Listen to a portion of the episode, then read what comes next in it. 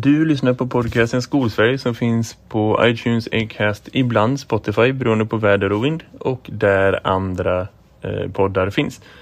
Eh, det här är ett specialavsnitt inspelat eh, torsdag den 19 mars på morgonen 2020. Och eh, det är en intervju med Carl Heat, en av podcastens mest frekventa eh, gäster. Och det finns en orsak till det som jag tror att ni kommer att upptäcka när det här samtalet är över. Eh, så vi rullar eh, in en vignett och så börjar samtalet direkt efter. Det här är Skolsverige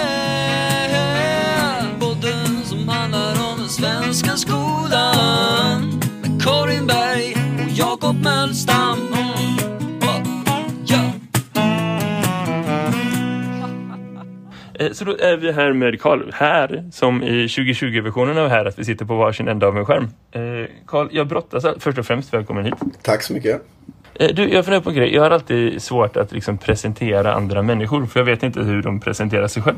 Jag tänker, kan inte du börja med att liksom berätta vem du är, om man inte har hört alla andra samtal som jag spelat in med dig förut? Eh, ja, vem är jag? Jag är, när det inte råkar vara pandemi. Eh, då, eh, då är jag till vardags är jag utbildningsdirektör på RISE, Statens forskningsinstitut. Eh, och där jobbar jag med frågor om kompetensförsörjning och kompetensomställning och livslångt lärande. Hur gör vi för att skapa förutsättningar för allas möjlighet att lära sig i samhället? Eh, det är liksom mina frågor som jag jobbar med där. Och sen är jag också utlånad till regeringskansliet på halvtid. Eh, för de utsåg mig till särskild utredare att värna det demokratiska samtalet i hösten 2018. Så jag leder också en nationell satsning på medie och informationskunnighet.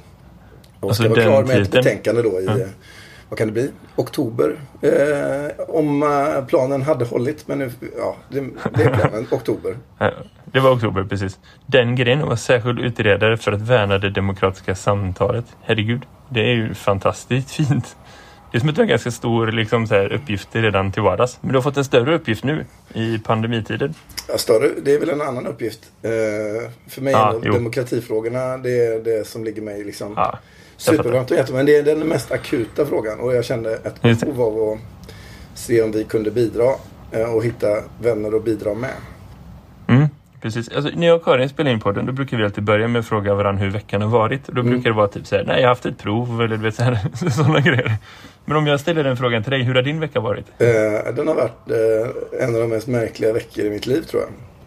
Okej? Eh, det är nog eh, den eh, brutala, raka eh, varianten av det. Vi, vad är, det? är det torsdag idag? Nu är det torsdag. Ja.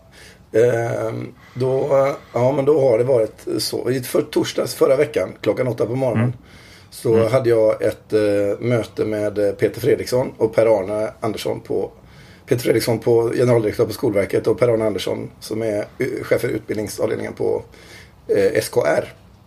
Eh, och det mötet eh, hade vi för att jag, ett, vad kan det varit, två, tre, fyra veckor tidigare eh, hade mejlat dem eh, med en förfrågan eh, om hur eh, samhället rustar skolan i händelse av att vi behöver stänga skolan. Just det. Eh, och jag skickade det mejlet efter att ha sett utvecklingen i Wuhan. Eh, Och hur fort eh, spridningen tycktes röra sig runt jorden. Och utifrån logiken att om nu eh, välfungerande rika länder eh, inte klarar av att få stopp på detta. Då är det sannolikt att vi kommer ha mycket svårt att, att få stopp på det själva. Och det. då kommer vi behöva göra eh, likavärdiga typer av insatser som de vi ser i Asien. Eh, det. sen började det röra på sig mot Italien. När jag träffade Peter och Per-Arne i torsdags då var ju läget mycket annorlunda än när jag skickade det brevet. Mm. Eh, och, Vad är det som har hänt sedan dess? Börjar skillnaden? Ja, det som har liksom händes, hänt sen dess då, det var ju att eh, under de veckorna så hade pandemin, eh, då, från början var det en epidemi. Eh, Mm. Den blev ju en pandemi och den började sprida sig i Europa. Och man kunde se att progressionshastigheten på sjukdomsförloppet var större här än vad det var i Mm, Kina. mm. Eh, och vi kunde också se att eh, de eh, ja, så det kröp närmare in på oss eh, helt enkelt. Vi började se lag, eh, lagstiftningsförändringar eh, och strukturer eh, påverkas. Eh, och, och det där är ju... Alltså, man måste nog vara... Alltså det, det, nu har det hänt så mycket på den här veckan i samhället. Mm. Eh, så om man, liksom, om man bara tittar på liksom Eh, vad, är, vad är det som har hänt? Eh, nu har jag bara, Mm. nu, om man inte ens tar liksom allt utan man bara tar eh, några stora grejer. Så är Mm. Just det ju till exempel saker som att ekonomin kraschar eh, på Mm. ett sätt som vi i princip inte sett sedan 1929. Och Mm. vi har för första gången, vad jag vet, eh, eh, börjar vi använda militära sjukhus i fredstid i Sverige för att lösa uppgifter. Ja. Vi ändrar medicinetiska regler så att man kan prioritera sjukvård på andra sätt. Eh, vi eh, ser att intensivvården kommer att ha utmaningar, enorma påfrestningar.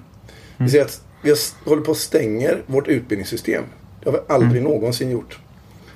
Eh, hela flyget har stängt ner. Mm. Äldre över 70 ombeds isolera sig. Vi har fått grundlagsbegränsningar i vår rörelsefrihet.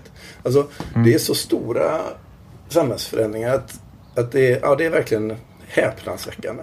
Men så, bara för att lägga till det. Jag, fick en notis häromdagen på mobilen. Det vill säga snabbt på klockan bara på väg in på en lektion. Att nu är det bara 55 personer som ska rösta i riksdagen i de här omröstningen. Ja. Man bara säger vänta paus. Du får inte skicka det till min klocka. Det, det passar inte på en så liten skärm. Det stämmer inte. Nej, men det är verkligen så, har det hänt på 200 år? Liksom, vad är det för... Ja. Man, jag blir, man tappar det. Man kan inte förstå det.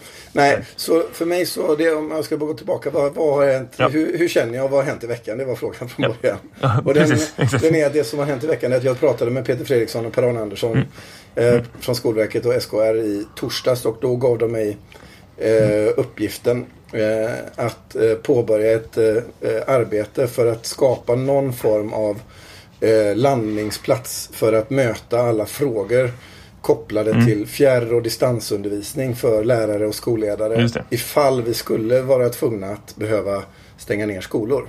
Då var vi ju inte där eh, alls eh, på den torsdagen.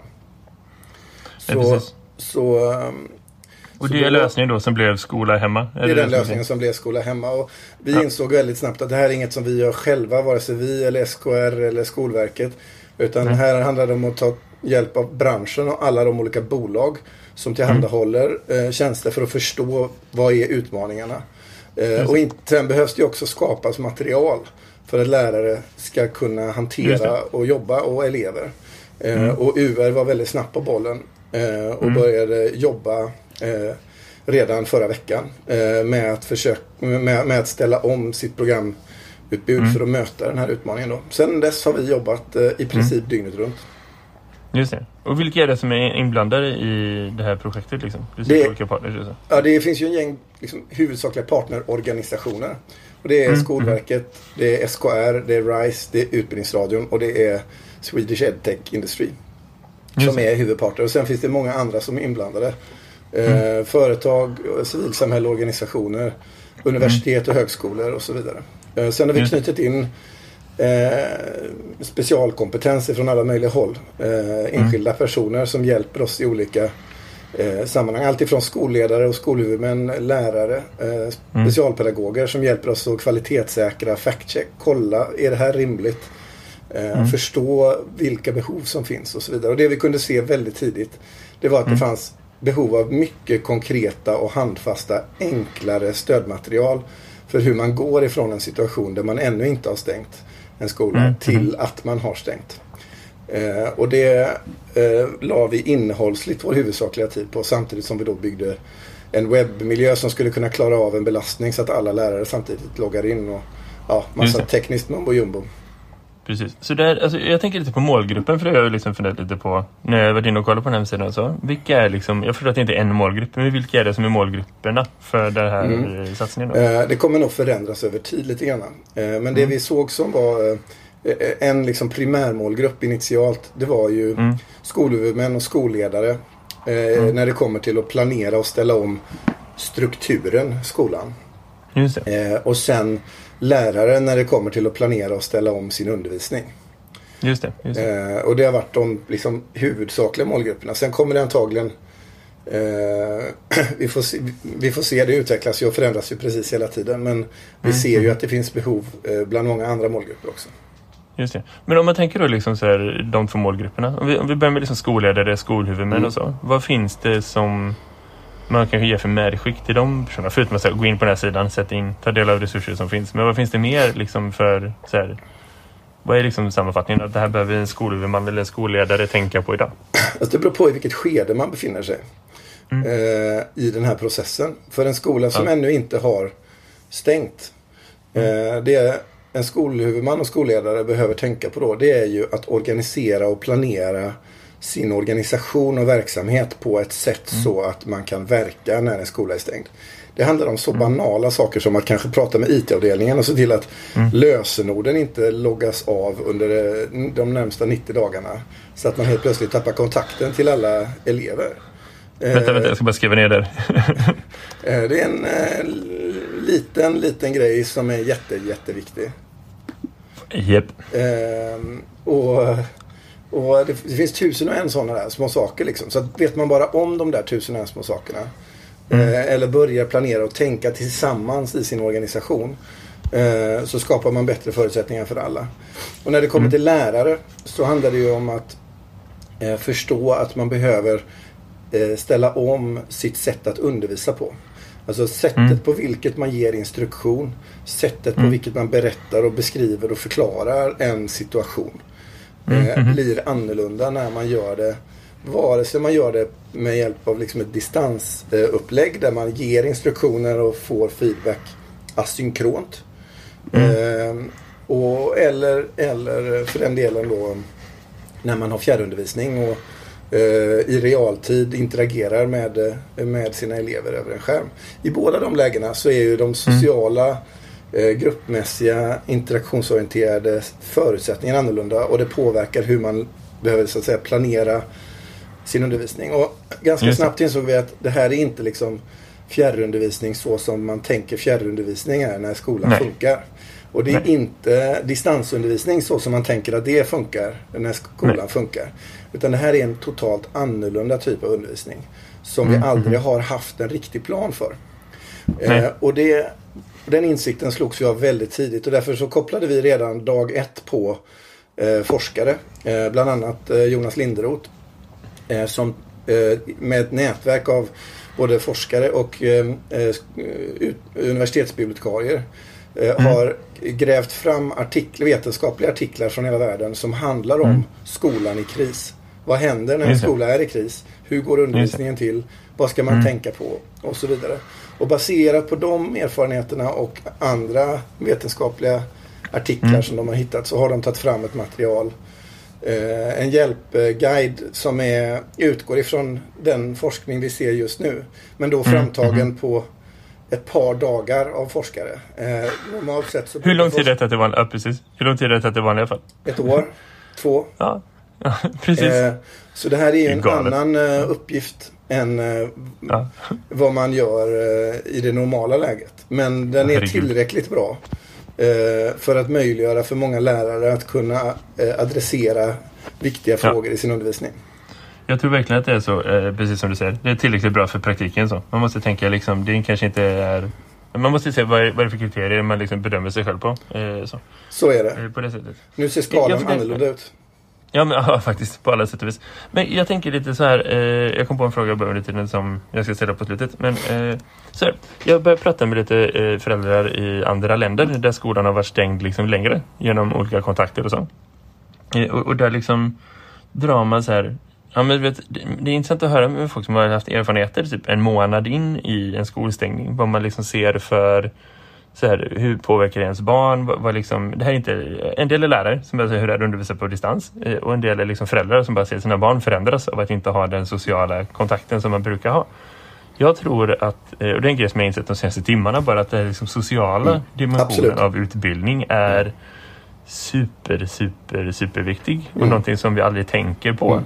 eh, Så är det. Så mycket som vi borde. Du har alldeles rätt i det. Alltså det är ju, och det, man måste också tänka på att den här förändrade undervisningssituationen påverkar ju Mm. väldigt många barn som redan från början har utmattning, utmaningar. Alltså de Mm. barn som normalt sett har det svårt, om man hårdrar det kan man säga, de har det svårare nu. Eh, Mm. Barn med ADHD, vissa, vissa barn med till exempel en ADHD-diagnos eller med eh, Mm. en, någon form av neurokognitiv funktionsvariation De kommer ha stora utmaningar eh, att hantera vardagen eh, på det här sättet. Barn under svåra hemomständigheter kanske har skolan som sin fristad. Just. Eh, det kan finnas barn som inte vill visa var de är någonstans. För att de är så eh, rädda för att visa eh, sitt hem. Mm. Eh, de skulle aldrig drömma om att sätta på en kamera. Eh, det är ju fullständigt, det skulle liksom eh, förstöra deras vardag med alla Mm, i klassen. Det. Finns eh, barn som inte eh, får ett lagat mål mat för att det var det man fick i skolan. Just det. Och, och eh, alla de här sociala dimensionerna, de Mm. måste man på olika sätt ta om hand. Men sen är det också den här, precis det du är inne på, den vanliga sociala interaktionen. Hej, hur Mm, mår mm. du? Vad hände igår? Kan du berätta? Mm. Alltså, det som är så att säga skolgården inom citationstecken. Just det. Den är ju också borta för barnen. Just det. Och, eh, Så, och, och hur löser man det då? Säger jag, frågar jag dig som att du har svaren på det. Nej men alltså, eh, om jag bara går till hur jag, jag, kan, jag har inget bra svar på Mm. det. Det är sånt Nej, som det vi liksom har på våran en miljon långa att göra-lista. Mm. Med att ge bra insikter kring den typen av saker. Vi försöker lyssna av goda exempel ifrån praktiken. Lärare och Mm. andra som har goda exempel här och nu på vad som händer i Sverige utomlands och forskning. Och sen är planen att löpande anpassa det då till eh, vägledande instruktioner. Eh, Mm. Som jag gör i mitt eget fall, alltså också lärare har ett behov av social interaktion. Alla Mm. Just har vi det. Eh, mitt eget sätt att lösa det på när vi jobbar i det här projektet. Det är att jag har en eh, online-fika på en halvtimme mitt på dagen varje dag. Eh, Supernice. som är bara, eller ja det är vad det låter som. Man kommer in, Ja. man har med sin kopp kaffe och så eh, pratar man och tuggar skit. Och, så. Ja. och det skulle ju vara möjligt att erbjuda motsvarande typer av sammanhang också i en skolkontext kan jag tänka mig. Det tror jag verkligen. Så. Jag hade en diskussion med min rektor precis innan vi började spela in där. För att eh, den skolan jag jobbar på är liksom, den är ganska ny och den är ganska så här, Det är många saker som heter lösa i kanten med flit. Eh. Och, och då har vi satt att liksom, som standard ska det vara så att varje morgon har de lugn start på schemat från 8.30 till Mm. 8.50. Där de liksom, först är lite drop-in tid där det finns vuxna på plats liksom i deras hemvist och sen så har de liksom 20 minuter av säg, tyst läsning eller sammanställa sitt material eller liksom bara vara i samma rum. Det är alltid samma rum, det är alltid samma plats. Så det är den designen som vi har gjort av vår fysiska undervisning och jag har jobbat sedan i fredags på att liksom hitta en bra lösning för hur vi ska kunna ha undervisning på distans. Eh, Så, så ungefär en vecka. Eh, Det var först idag som det slog mig att vi måste ju ta med den biten också. För jag har verkligen lagt upp ett schema så här, vi skulle kunna ha det här och det här, vi skulle ha det här och det här och det här och bara sett ämnen och liksom bara suddat ut den biten. För att man är så här, hur ska de kunna ha svenska? Hur ska vi kunna lösa närvaro? Hur ska vi ha nationella prov? Wow. Ja, men De det är ju helt så precis som du säger. Va? Det, det är så många frågor. Och naturligtvis så börjar lärare utifrån sin primäruppgift att undervisa. Ja. Eh, och det är där man tar sin utgångspunkt. Precis som skolledaren tar sin huvuduppgift i hur organiserar jag det här? Ja. Eh, hur leder jag Precis. min personal Ja. på distans? Det är ju en Ja. enormt komplex fråga bara det. Ja. Eh, alltså, det finns så många saker som är väldigt svåra här va. Japp. Eh, men jag måste säga att nu på morgonen här så gick jag in och tittade Mm. på eh, ett par sociala medier. Och jag konstaterar att eh, alltså det är så många goda exempel på skolor som Ja. liksom gör magi eh, på kort tid. Alltså det hade man liksom Ja, ja, det är så många saker Mm. som är så osannolika just nu som händer. Så det är svårt Verkligen. att liksom värdera på någon skala. Liksom. Men jag är så Just oerhört full av beundran för alla skolledare och lärare som bara gillar läget och gör Ja, det bästa hur? av situationen för att göra en bra vardag för barnen. Precis. Och, och Karl, där kanske man ska säga att liksom, eh, skola hemma är också en hashtag för att samla sådana grejer. Det Absolut. handlar inte om att bygga något varumärke utan det handlar bara om att enas runt en och samma plats. Så det I- finns ingen prestige, det är inget företag som äger det utan det är bara så att det här är bra att göra tillsammans för att hitta de grejerna. Ja. Det är så himla mycket media, så himla mycket flöde överallt att liksom, eh, använd den grejen om du har en bra idé själv. Om du ser någon bra idé, skicka det vidare med den taggen. Så kan vi allihopa mötas där så. Det går inte nog att understryka hur värdefullt det är för oss som jobbar med Skola Hemma. Alla Mm. Just det. idéer, tankar, eh, tips och sånt. Det hjälper oss. Mm. Eh, För det gör att vi får en bild av nuläget och då kan vi prioritera Ja. våra resurser till att hjälpa alla bättre och mer. Jag tror det. Och, och jag tänker också så här att allt det måste vara okej att man lär sig under tiden som man gör. Om, om man kommer på efter fem, sex dagar. Ja. Allt annat vore vansinnigt. Vi, alltså vi Ja, befinner eller oss i en situation som ingen någonsin har varit i. Eh, och då kommer vi göra fel varje dag. Men om Ja. vi inte gör någonting, då händer ingenting. Eh, Nej, så precis. vi behöver göra saker, inse att oj, det där gick inte så bra. Och då gör vi om och så gör vi något annat. Och så funkar det och då kör vi på. Och så delar vi både våra misslyckanden och våra framgångar. Precis, och så borde vi kanske jobba även när det inte är pandemi. Men du, en sista fråga. Om man ska liksom, jag vet att du inte vill prata så här framtid för det är väldigt oklart att veta vad som händer. Men om vi zoomar fram ett år, två år, om vi verkligen går förbi alltihopa och tänker okej, vi har haft den här stängningen, vi har gjort allt det här som kanske skulle kunna hända. Vad eh, hoppas du kunna dra för så här, åh, det här har blivit bättre på grund av den här händelsen om säg ett år, två år. Och nu får man verkligen spana fritt då. Det är ju ingenting som jag kommer hålla dig ansvarig för om ett år eller två år. Men en sak som jag själv, om jag bara ska vara konkret i mitt eget görande. Så ställde jag mig själv den här frågan eh, i torsdags. Det var det, faktiskt en av de första frågorna som jag ställde mig själv. När vi började dra igång i torsdags. Eh, så vad vi gör, en annan sak vi gör. Vi gör en hel del med Skola Hemma-projektet som inte syns. Eh, och en sån sak vi gör, det är att vi är väldigt nogsamma i vår egen dokumentation av alla de processer vi håller på med. Alla möteshandlingar, alla konversationer. Vi försöker spara så mycket som bara går. Eh, För jag inser att eh, det vi genomlever nu, eh, all den erfarenhet vi samlar, den kommer kunna rusta och stärka skolan på så många olika sätt.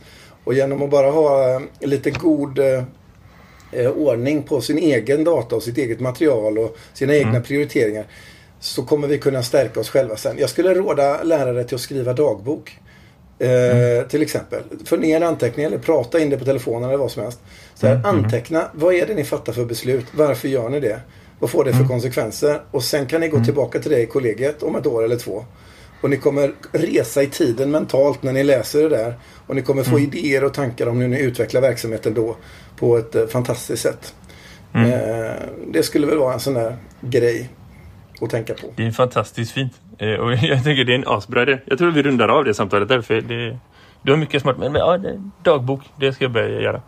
Superbra. Du Karl, tack för att du ställde upp på Ja, för all podcasten. Och Får tack för all hjälp. kämpa på i skolan. Ja, tack. Ha det gött. Hej! Det här är Skolsverige Podden som handlar om den svenska skolan Med Karin Berg och Jakob Mölstam